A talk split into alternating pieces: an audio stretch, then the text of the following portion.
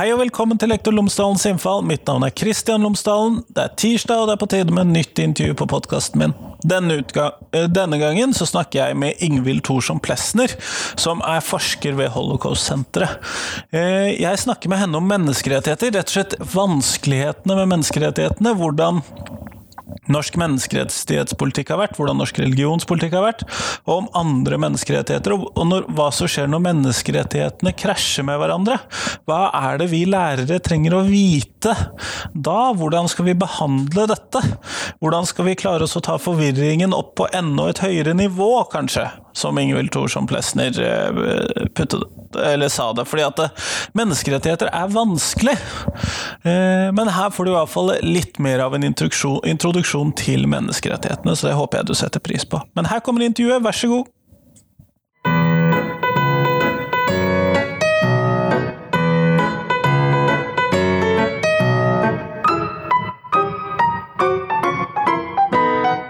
Tusen takk for at du har kommet for å besøke meg, Ingvild. Veldig hyggelig å være her, og det er jo som vanlig sol i Bergen. Ja, det er jo litt utrolig i seg selv. Eh, men før vi tar oss og starter selve intervjuet, kunne du ha fortalt lytterne mine tre ting om deg selv?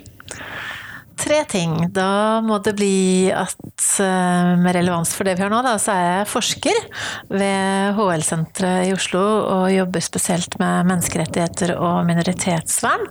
Eh, men har jobbet mye med religions- og livssynsfrihet og rettighetskonflikter. Eh, og som nummer to så er jeg veldig glad i å formidle forskning, og har gitt ut mange bøker om det jeg forsker på, bl.a. en bok i fjor på Universitetsforlaget om religionspolitikk, eller religions- og livssynspolitikk. Og som nummer tre, en liten kuriositet kanskje, så kan jeg si at jeg ikke bare er Oslo-basert forsker, men jeg er også gårdkjerring på Løten, for jeg er samboer med en bonde. Så nå er jeg opptatt av at våronna endelig er i gang. ja, det synes jo veldig godt ute på landet også, så Ja, absolutt. Og luksus. Ja, ikke minst. Det gjorde de i Møre og Romsdal når jeg var der i helgen òg.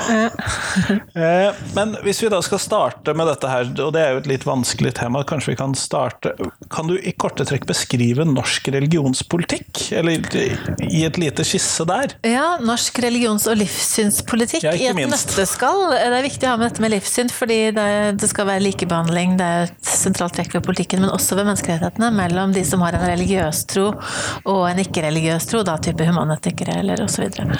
så det er viktig. Eh, så når jeg forsnakker meg, så er, det, så er det ikke fordi jeg ikke er klar over det og ikke mener det er ganske viktig å si tros- og livssynsfrihet, tros- og livssynspolitikk.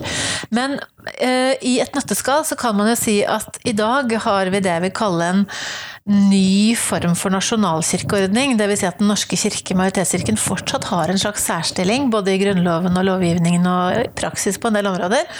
Men den har fått økt selvstendighet og frihet fra staten, og man har fått økt likebehandling gjennom mange tiår, faktisk, for tros- og livssynsminoriteter. Ganske langdrygg prosess? Ja, det har vært en langdrygg prosess. Eh, eh, I korte trekk så kan man jo si at man har gått fra en sånn konfesjonell statsmodell, som jeg har pleid å kalle det, hvor det ikke er noe prinsipielt skille mellom stat og kirke. Hvor staten, eller kongens kirkestyre som det var i gamle dager, eh, styrte over majoritetskirken og kontrollerte den og støttet den, og hvor i tillegg da minoritetene hadde dårlige vilkår.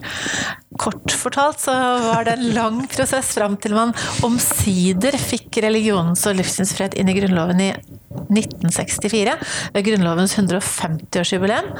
Da hadde man fortsatt paragraf 2 om at den evangelisk-lutherske religion forblir statens offentlige religion. Den hadde man helt fram til 2012, eh, hvor den ble fjernet. Men den ble da erstattet av en ny bestemmelse som kom inn da, om at den kristne og humanistiske arv forblir eh, vårt verdigrunnlag. Og tilsvarende i paragraf 16 tok man ut bestemmelsen om at halvparten av regjeringens medlemmer måtte være medlemmer av Den norske kirke, eller altså bekjenne seg til den evangelisk-lutherske religion.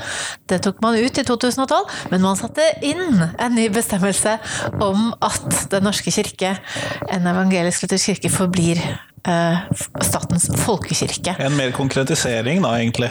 Ja, man kan si at man tar ut noe og setter inn noe annet. eh, og det som man hentet inspirasjon fra i 2012, var paradoksalt nok den danske grunnloven av 1849, som har den bestemmelsen om folkekirke. Eh, så du har eh, i tillegg da fått inn en bestemmelse i Grunnloven om likebehandling. At eh, den norske kirke som folkekirke skal støttes av staten, men eh, andre tros- og livssynssamfunn skal støttes på lik linje. Det kom inn i Grunnloven i 2012, men det var da eh, en grunnlovfestning av et prinsipp som hadde vært en del av norsk lov siden 1969. Og det er ikke alle som vet at vi fikk en lov om trudomssamfunn. Og ymist annet. Og, og ymist annet i 1969. Og den slo fast dette med at man skal ha en likebehandling av minoritetene når det gjelder i hvert fall økonomi. Da. Så den støtten som Den norske kirke fikk, eller får faktisk, per medlem per år, skal andre tros- og livssynssamfunn få per medlem per år. Eh, sånn har det vært siden 1969, og sånn er det foreløpig i hvert fall fortsatt. Så kort oppsummert har vi fått et system som har gått fra en konfesjonell stat til en klassisk statskirkemodell, til en reforhandlet eller litt endret nasjonskirkemodell, nasjonalkirkemodell, men med stor grad av likebehandling. Eh, og stor grad av selvstendighet for Den norske kirke. Og så er spørsmålet hvor går man videre, og det er den store debatten nå, eh, ikke minst i forbindelse med den nye loven om en felles lov for tros- og livssynssamfunn som skulle vært behandlet av Stortinget akkurat nå. Men som har blitt litt utsatt? Den har blitt litt utsatt et år, i hvert fall. Eh, for at det skal komme samtidig med en ny stortingsmelding om en såkalt helhetlig religions- og livssynspolitikk. Nettopp. Så, men det jeg hører da av det du sier, er det at uh, i økende grad så har det vært likebehandling og men, rettighetsgrunnlag uh, som da skal styre norsk religionspolitikk. Ja, man har fått økt grad av likebehandling, både i betydningen mer selvstendighet for Den norske kirke, og mer støtte til og bedre vilkår for minoritetene. Og det er jo interessant at faktisk har jo statskirkemodellen betydd at Den norske kirke har blitt mer styrt, mer kontrollert enn andre tros- og livssynssamfunn, samtidig som den har fått mer støtte. Ja, når det øverste organet ditt er statsrådet, så da Ja, eller kongen i kirkelig statsråd, som det var. Altså det var de statsrådene som var medlemmer i Den norske kirke, og kongen som kirkemedlem. Og Grunnloven slår jo fortsatt fast at kongen skal være medlem i Den norske kirke, men det har han visstnok ønsket selv, da. Men eh, ja. Så kort oppsummert, mot økende likebehandling og, eh, av minoriteter og økende selvstendighet for Den norske kirke. Det har vært tendensen, men det har vært en langsom prosess. Ja. Eh, men når dette da har vært en langsom prosess, så eh, for meg som da underviser om menneskerettigheter i flere fag, hvordan er denne rettighetssenkningen da fundert i menneskerettighetene, hvis du skjønner spørsmålet mitt? Ja, det forstår jeg veldig godt, for det er et godt og viktig spørsmål. Og det er jo klart at én ting er hvordan man har slått fast at dette skal være i norsk lov, men man har i norsk lov eh, mange bestemmelser om menneskerettighetene. Både i Grunnloven, det fikk man inn i 2014, mange generelle bestemmelser, og, eh, og i en såkalt menneskerettighetslov som kom allerede i 1999. Så menneskerettighetene er en del av norsk lov. Men de er jo også, og først og fremst, internasjonale regler som Norge har sluttet seg til, ja. og som man i sin tid var med på å etablere gjennom FN ikke sant, etter annen verdenskrig og det som skjedde da. Slik at man ønsket å ha normer som også bandt nasjonalstaten Altså, man ønsket å binde seg selv til masten, for å bruke en velkjent metafor. Eh, og det gjorde man da med disse menneskerettighetene, nettopp for å verne om enkeltmennesket og minoritetene. Verne mot overgrep fra majoriteten i stor grad, og også forplikte staten til å gjøre noe bra for borgerne å sikre grunnleggende velferd og, og frihet. Og da er det slik at eh, en av de helt grunnleggende menneskerettighetene i FNs menneskerettighetserklæring og i andre FN-avtaler, og også i norsk rett, er jo religions- og livssynsfriheten. Eh, og den har vært i Grunnloven da fra 1964. Det var vel ikke helt populært, det? Eh, nei, det var en stor diskusjon da, og hva det betyr i praksis er jo et annet spørsmål. Og det er interessant i seg selv at religionsfriheten ikke kom med i Grunnloven i 1814. Det var et forslag som lå inne, men det ble tatt ut i siste liten. Og det kan ha vært fordi man samtidig skulle ha forbud mot at jøder kunne komme inn i riket. Eh, det passet seg dårlig. Så det er jo liksom det første at hvis du skal ha religionsfrihet, så må alle tros- og livssynsretninger kunne eh, etablere seg og være i landet. Men deretter så har man jo fått en utvikling i nyere tid som går mot større og større grad av vern mot all slags diskriminering på grunnlag av religion og livssyn, på grunnlag av etnisitet, kjønn, seksuell legning osv. Og, så og det har kommet da etter annen verdenskrig i økende grad forskjellige bestemmelser om dette. Og det er klart at da får man eh, innimellom det vi kaller en rettighetskonflikt eller avveining, fordi eh, religions- og livssynsfriheten på den ene siden kan innimellom komme i konflikt med diskrimineringsvernet på grunnlag av f.eks. kjønn. Ja, for det er ikke alltid at disse menneskerettighetene er enige med hverandre? Nei, det er nemlig det. De ser veldig bra ut på papiret, og det er viktige normer alle sammen.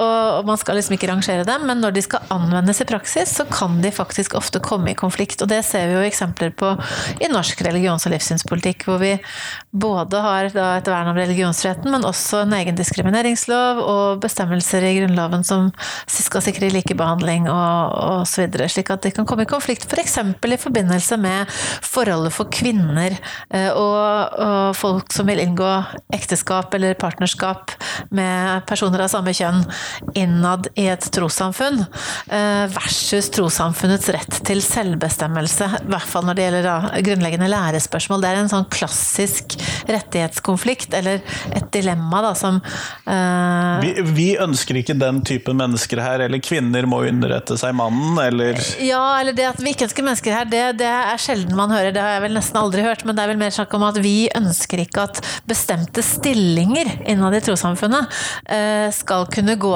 til da f.eks. menn, eller like, folk som lever i likekjønnede parforhold. Uh, eksempelvis Den katolske kirke åpner ikke for kvinnelige biskoper og prester. Det gjorde ikke Den norske kirke heller, før i 1961 fikk vi den første kvinnelige presten. Hvis jeg sier vi, fordi jeg er medlem av kirken selv. Eh, og eh, Ingrid Bjerkås, og det tok en lang tid i Den norske kirke. I 1993 fikk Den norske kirke den første kvinnelige biskopen, uh, Rosemarie Køhn. Så vi vet at det har vært en lang prosess. Og der har jo statskirkeordningen faktisk vært en sånn brekkstang for å framskynde den prosessen. Uh, Når det var politikerne som bestemte, ikke kirken selv? Nemlig. ikke sant? Inntil biskopene nå utnevnes av Den norske kirke og, og videre Siden, siden de siste reformene. Slik at, uh, men nå har man jo hatt en prosess innad i Den norske kirke hvor det her er innarbeidet. Også også liturgi for likekjønnede parforhold ble vedtatt at man skulle utvikle eh, nå i 2017 ble det vedtak om det, men det har vært en lang prosess innad i Den norske kirke. Men i andre tros- og livssynssamfunn så er det ikke nødvendigvis slik. Og da er spørsmålet hva skal staten gjøre i forhold til det? For det bryter jo med statens politikk. Så skal staten da enten gripe inn i tros- og livssynssamfunn og framtvinge en utvikling for å for å bekjempe forskjellsbehandling, sånn som de ser det, på usaklig grunnlag. Og da krenke religionsfriheten, kanskje. For, ja, for der har det jo vært en del forslag nå i det siste. SV og Ja, det er en debatt om dette, ikke sant. Det er slik at øh, mange, både politikere og, og andre folk innad i trossamfunnene syns dette er et dilemma, og ønsker da å gjøre noe for å påvirke utviklingen innad i trossamfunnene, for å gjøre forholdene bedre for kvinner og, og likekjønnede f.eks. Og det er et viktig, viktig, viktig anliggende, syns jeg. Spørsmålet er bare hva er egnede virkemidler? Hva er egnede tiltak for å gjøre nettopp det? Eh, kan det skje med tvang? Kan det skje med økonomiske sanksjoner? Eller er det mer effektivt? Hvis ikke du gjør som vi sier, så tar vi pengene dine. Ja, det er jo et, ja, er jo et, av, et av forslagene, faktisk. Altså sånn, I praksis, i hvert fall. At man har jo på det, sett på det at én ting er at man kan antagelig ikke ut fra menneskerettighetene forby tros- og livssynssamfunnene øh, ha disse reglene når det gjelder sine religiøse stillinger, sine styre og den type øh, bestemte posisjoner. Fordi det er så sentralt for religionsfriheten at man kan bestemme selv hvordan læren defineres og sånn internt. Men at man er jo ikke pålagt å gi noe aktiv støtte økonomisk nødvendigvis til tros- og livssynssamfunn, og det gjør man jo i Norge i dag. Og da er spørsmålet kan man stille betingelser knyttet til den støtten, og det vil da f.eks. Eh, så vidt jeg har fått med meg, SV er jo et av de partiene som, som ønsker det, og også andre partier har, har, ønsket det. Og da oppstår dette spørsmålet, eh, er det da slik at man kan økonomisk forskjellsbehandle på grunnlag av livssyn. Altså si at en god del minoriteter vil da i praksis ikke få støtte, for de vil fortsette å forbeholde Den katolske kirken vil vel kanskje heller ikke få Nei, veldig mange eh, livssynsminoriteter vil da falle utenfor fordi de enten har stillinger forbeholdt menn, eller eh, ikke kan anerkjenne likekjønnede eh, parforhold for sine religiøse stillinger, som det da er snakk om primært. Det er ikke snakk om medlemskap, mm. men det er snakk om å ha bestemte stillinger. Og da øh, hvis det er snakk om f.eks. å få en bestemt kvinneandel da, i styrene, så er det antagelig en del trossamfunn som kan gå med på det. Det er en litt mildere form for krav, men likevel en inngripen, kan du si. En bevisst inngripen for å få til endring innad i trossamfunn. Noen vil da velge å ikke gå med på det, fordi de mener av prinsipielle grunner det skal de bestemme selv, eller det er ikke i samsvar med deres lære. Da vil de mister støtten. Da vil de i praksis eh, være med på å finansiere andre tros- og livssynssamfunn, deriblant Den norske kirke. og så er spørsmålet er det en saklig forskjellsbehandling eller ikke. Da kan man si det er saklig fordi det er for å verne om minoriteter innad i det trossamfunnet, eller man kan si det er usaklig fordi det faktisk rammer en livssynsminoritet som da må være med på å støtte Den norske kirkes virksomhet, blant annet. Og så er det de som sier at ja, men dette blir så komplisert. Enten du velger det ene eller det andre, så blir dette feil. Enten enten så støtter du aktivt forskjellsbehandling, eller så griper du inn i religionsfriheten, og begge deler er feil, ja, men da må resultatet være at vi slutter å gi støtte. Eh, det er da også noen som mener, men foreløpig er det sånn at de fleste mener at man fortsatt skal ha en god statlig tilrettelegging for tros- og livssynssamfunnsvirksomhet, fordi man mener at det er, eh, det er eh, et samfunnsgode og et viktig formål, da, fordi det er så viktig for enkeltmennesker og samfunnet som helhet at man har de arenaene. Men når vi da ser på disse krasjene her, for her er det jo åpenbare eh, krasj mellom de forskjellige rettighetene opp mot hverandre. Hvordan Fins det noen gode måter man avgjør hva man lander på? Av det ene eller det andre? Ja, altså For det første ut fra menneskerettighetene så må man først se på liksom, er det noen åpenbare føringer som ligger i selve bestemmelsene. Uh, og så må man se på om det er noen dommer, da. det er sånn man gjerne gjør det når man skal være jurist. Uh, og ser på om det er noen høyesterettsdommer eller dommer fra Den europeiske menneskerettighetsdomstolen, eller noen uttalelser fra FNs ekspertråd, altså menneskerettighetskomiteen. Det er da noe helt annet, det er viktig å vite, enn Menneskerettighetsrådet, som er et politisk organ i FN. Men uh, disse gir autoriserte fortolkninger av de konkrete menneskerettighetene. Utfordringen består jo da at de gjerne gir en fortolkning av en bestemt rettighet, og så kommer et annet organ med en uttalelse om en annen rettighet, og så må man holde dette sammen. ikke sant? Og så er det gjerne tilpasset konkrete situasjoner. Ja, ja, så må man se hvilken relevans har den, den dommen eller den uttalelsen for den situasjonen man nå er oppe i, f.eks. Men når det er sagt, eh, så, og da får du en del føringer på at det er sagt veldig klart av Den europeiske menneskerettighetsdomstolen at staten skal ikke blande seg inn i utnevning av religiøse ledere og i fortolkning av lærespørsmål og den type doktrinesaker. Det skal man ikke gjøre. Ehm, sånn at, eh, men den har også, og den har også sagt at staten bør være mest mulig upartisk tilrettelegger for tros- og livssynssamfunnsvirksomhet, med andre ikke gripe for mye inn. Men så har du da selvfølgelig kvinnekonvensjonen, eh, som sier at staten skal aktivt bekjempe eh, alle stereotypier og praksiser basert på stereotypier stereotype oppfatninger mellom kvinner og menn.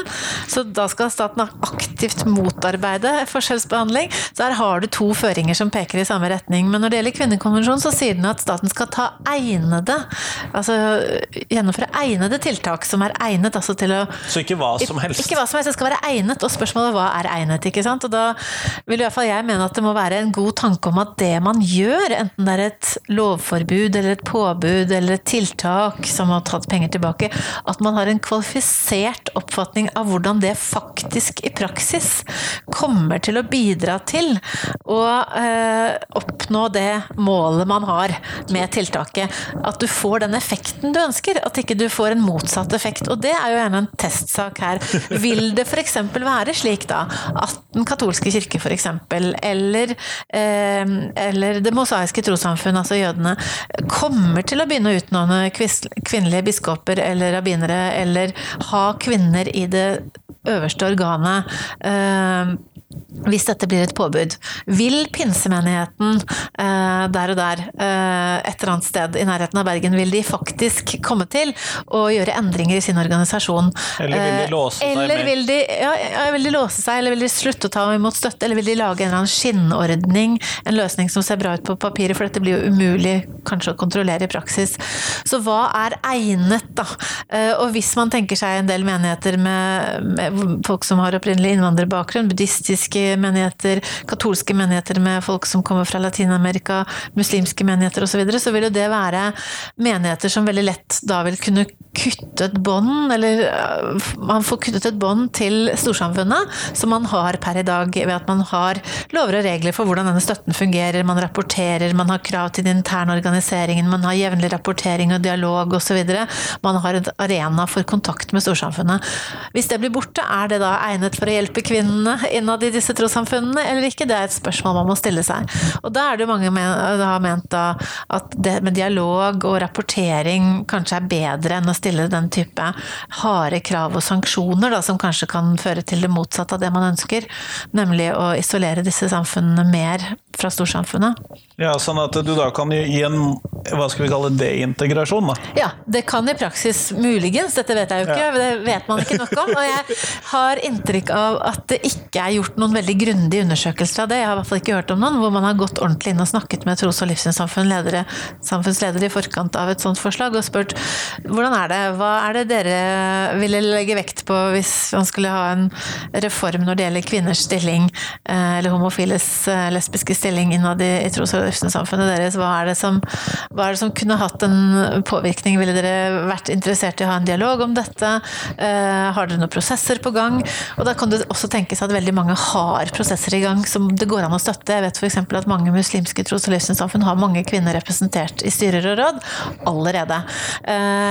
Mens mange kristne kanskje ikke har det. Men dette vet man ikke nok om, rett og slett. Sånn dette kan jo da ende opp med også, hva skal vi kalle det, ramme i gåseøyne eh, helt andre menigheter enn det man i utgangspunktet tenkte da, når man eh, laget Ja, eller i hvert fall det kan jo hende at det har en god effekt, og det tenker jeg at man må ha en, ha en utredning av. Eh, Men, så jeg utelukker ikke det, men jeg tror vi har for lite kunnskap nå til å vite hva slags effekt man vil ha. Og jeg tenker at det er viktig å ha god dialog med tros- og livssynssamfunnet selv nå i det året som man har gitt seg. Altså Stortingspolitikerne har klokelig utsatt denne, denne lovbehandlingen ett år, og da kan man bruke den tiden til å ha kontakt med f.eks. med Samarbeidsrådet for tros- og livssynssamfunn, som er en veldig viktig organisasjon som samler de ulike tros- og livssynssamfunnene, også Den norske kirke, og deres medlemsorganisasjoner. Gå den veien, f.eks. Eller gå via forskning og skaffe seg mer kunnskap om dette. Eh, Det tenker jeg er viktig. Så Det er iallfall en mulighet her da, til å ha en grundigere prosess. Det er i hvert fall en mulighet hvis man vil. Eh, Og, jeg tenker også i et sånt etisk perspektiv så tenker jeg det er viktig når man skal vurdere disse rettighetskonfliktene, som du sier, at man vurderer hva er intensjonen og hva er konsekvensene og hva er mulige utilsiktede konsekvenser. At man er opptatt av prinsipper, ja, men ut fra et etisk perspektiv så skal man også ta inn i eh, vurderingen hvilke konsekvenser det vil ha. Og det er jo et perspektiv som er viktig på andre områder også, eksempelvis når det gjelder svømmeundervisning. Da. Hvis man f.eks. stiller krav til eh, svømmeundervisning som gjør at en del barn i praksis ikke får svømmeundervisning, altså blir tatt ut av svømmeundervisning eller ut av skolen, ikke lærer å svømme, så vil jo det være katastrofalt for barnas eh, Trygghet. trygghet, rett og slett. Eh, sikkerhet. Så man må finne en måte å ha den debatten på, en modell lokalt, som gjør at barna faktisk lærer å svømme. Det må være et eh, avgjørende hensyn der. Eh, og så får man avveie prinsippene litt i lys av disse konsekvensene. Ja, fordi at det er på eh, I skolen så er det jo da flere områder hvor eh, denne trosfriheten kommer inn i skolen og gir en, hva skal vi kalle en påvirkning på skolehverdagen for skolene. Ja. ja, det er mange områder. Det er jo, man kan jo si at eh, det er jo Som offentlig skole har jo et ansvar for å legge til rette undervisningen, men også sin virksomhet generelt, slik at alle i prinsippet skal kunne delta der. Altså at ikke man blir utestengt pga. sin tro, eller sin praksis som er veldig forankret forankret i troen. Og så er det selvfølgelig grenser for hva slags praksis man kan ha. Og det er et viktig poeng i religions- og livssynsfriheten ut fra et menneskerettighetsperspektiv, er at du skal alltid ha en rett til å tro det du vil, eller ikke tro. Den rettigheten skal være absolutt. Staten skal aldri prøve å påvirke deg eller påtvinge deg en tro, eller frata deg retten til å velge selv. Eh, men din rett til å utøve og praktisere denne troen, eller livssynet, den kan og skal i visse tilfeller begrenses. Så det er et viktig utgangspunkt. Og det er jo eksempelvis den debatten vi har hvis det er slik at din praksis ikke lar seg forene da, med andres rettigheter osv. F.eks. for eksempel så vil ikke en lærer kunne forkynne eller å prøve å påtvinge barna eller påvirke barna i en bestemt retning, fordi det er hennes eller hans tro. Det kan hun eller han gjøre på, på andre arenaer, gjerne i menigheten sin eller hvor det måtte være, men ikke på skolen, fordi den skal være åpen for alle, og du har en autoritetsposisjon som lærer. Så den siden ved trosfriheten, som er helt fundamental, at man skal kunne fortelle om og forkynne hvis man ønsker det, må altså ikke skje på skolen. Uh, og så har du disse dilemmaet med at ja, men hva med de som har lyst til å be f.eks. midt på dagen, kan de bare gå ut av eksamen og gjøre det når som helst? Eller, eller, må man på en måte prøve å finne ordninger som gjør at det ikke blir en problemstilling? Uh, slik at de som har det behovet, uh, og, og, som en viktig del av sin identitet, kan få gjort det, men da etter at eksamen er ferdig. Det vil normalt være helt uproblematisk, ikke sant? fredag klokken tre f.eks. Man må finne løsninger. Hvis, hvis det er religiøse helligdager f.eks., så, så er det jo slik at minoritetene har jo da en ulempe i utgangspunktet, for kalenderen vår i Norge, den følger jo i all hovedsak den kristne kalenderen. Det gjør forresten også den franske eh, helligdagskalenderen, eller offentlige helligdagsfridagskalenderen. eh. Enda, enda så sekulære de visstnok skal være, eh, som de snakker høyt om, så følger de den katolske kirkes eh, helligdagskalender i Frankrike. Og da har man i Norge sagt at eh, alle tros- og livssynsminoriteter skal ha muligheten til to fridager, eh, men da normalt uten lønn, som de avtaler med sin arbeidsgiver på sine helligdager. Og tilsvarende kan man tenke seg at skolen må prøve å finne ordninger på de helligdagene som er viktige for tros- og livssynsminoriteter eh, i skolen. Og gjerne også prøve å etablere noe positivt rundt de høytidene, hvis, hvis det er naturlig ut fra det lokale eh, mangfoldet. Ja, dette så jeg at Det mosaiske trossamfunn tok opp i forbindelse med innføringen av fraværsgrensen for videregående skole, hvor eh, Det mosaiske trossamfunnet, eller eh, jødedommen, da har flere enn to dager som de ønsker å markere i løpet av året. Mm. Men det var utelukkende to dager man kunne få mm. som fridager på religiøs begrunnelse inn i skolen, mm. og som ikke ble rammet av tidagersregelen. Mm. Ja, og det, og det, tenker jeg er en viktig diskusjon å ta. fordi det er klart at det er flere enn to dager de som tilhører majoriteten får. Man får alle påskedagene, man får pinse, man får himmelfart, man får jul. Eh, og alt dette tilhører Ja, Mai er jo helt ødelagt av fridager i år. Ja, ikke sant. Men eh, ja, jeg er ødelagt og ødelagt. Eller, eller forbedret. Ja, men, eh, men, men, det er det sikkert ulike syn på. Men, men, det er klart at majoriteten får mer enn to. Så kan man ikke ha full pokke kanskje til alle, da vil det kanskje ikke samfunnet fungere, men å ha en åpen og fleksibel løsning der hvor det er et større behov, å finne gode løsninger, det kan sikkert også defineres innunder, innunder eh, begreper som lokal tilpasning eller individuell tilpasning. Men det er også et prinsipielt spørsmål som kanskje politikerne må ta tak i. Eh, for det er en viktig del av retten til å utøve sin tro og sitt livssyn, er å kunne ta del i den type markeringer. Eh, og det burde være mulig å få til med litt fleksibilitet begge veier. Og god god varsling i god tid osv.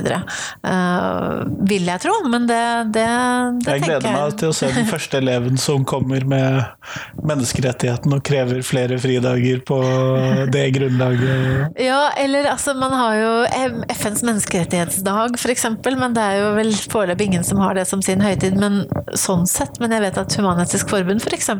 ser på det som en veldig viktig eh, dag. Men det er jo en dag som gjerne markeres på skolen, og det har jeg inntrykk av at, eh, at man er godt fornøyd med. De fleste humanitikere syns det er veldig bra og viktig at man gjør den dagen. Men, eh, men eh, ja.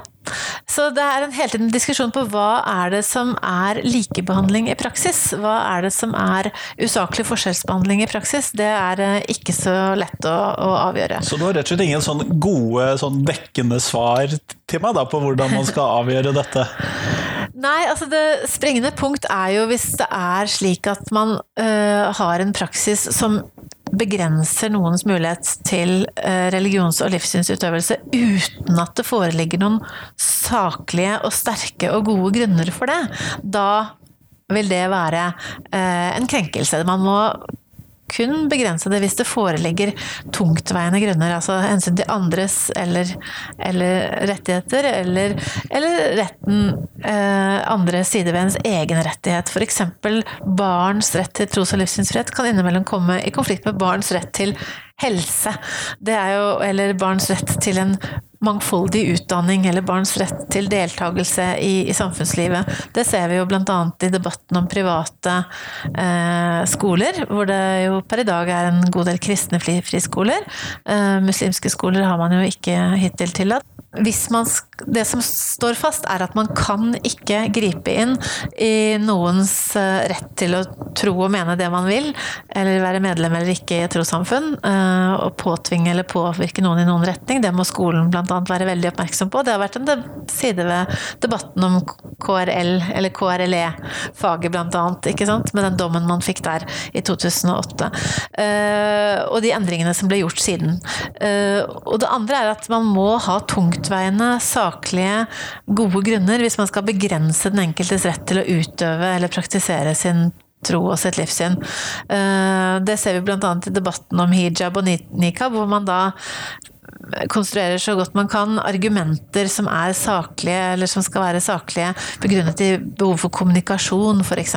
Man kan ikke liksom bare forby noe fordi man ikke liker det, selv om det, eh, det alltid ofte, ofte, kanskje er utgangspunktet. Ja. Uh, men der må man også se på hva, hva slags saklige Hvordan er dette i praksis? ikke sant? Hvordan er det mulig å tilrettelegge i praksis?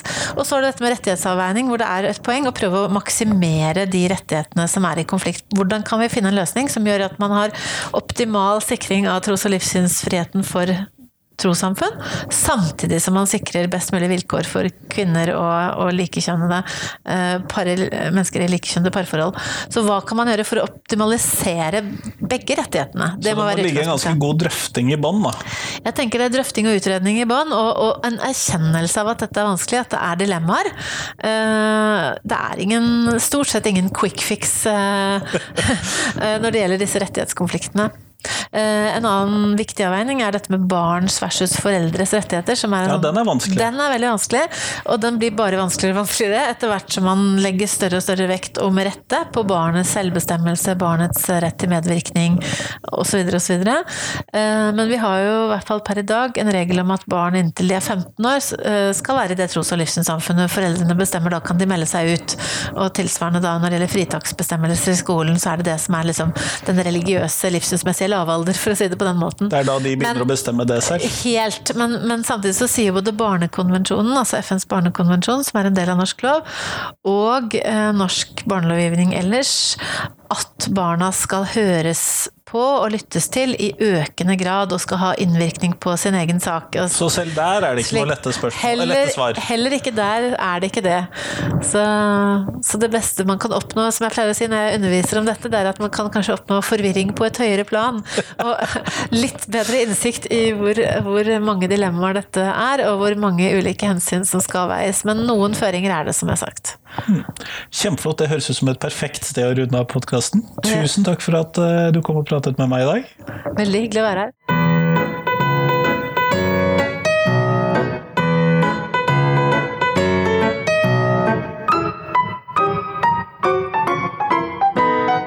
Tusen takk til Ingvild, og tusen takk til deg som hørte på.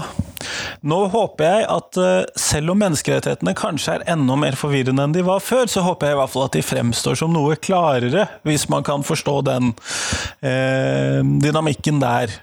Eh, det er i hvert fall greit å ha flere knagger å putte ting på, selv om det kanskje fremdeles er forvirrende og det fremdeles mangler klare svar.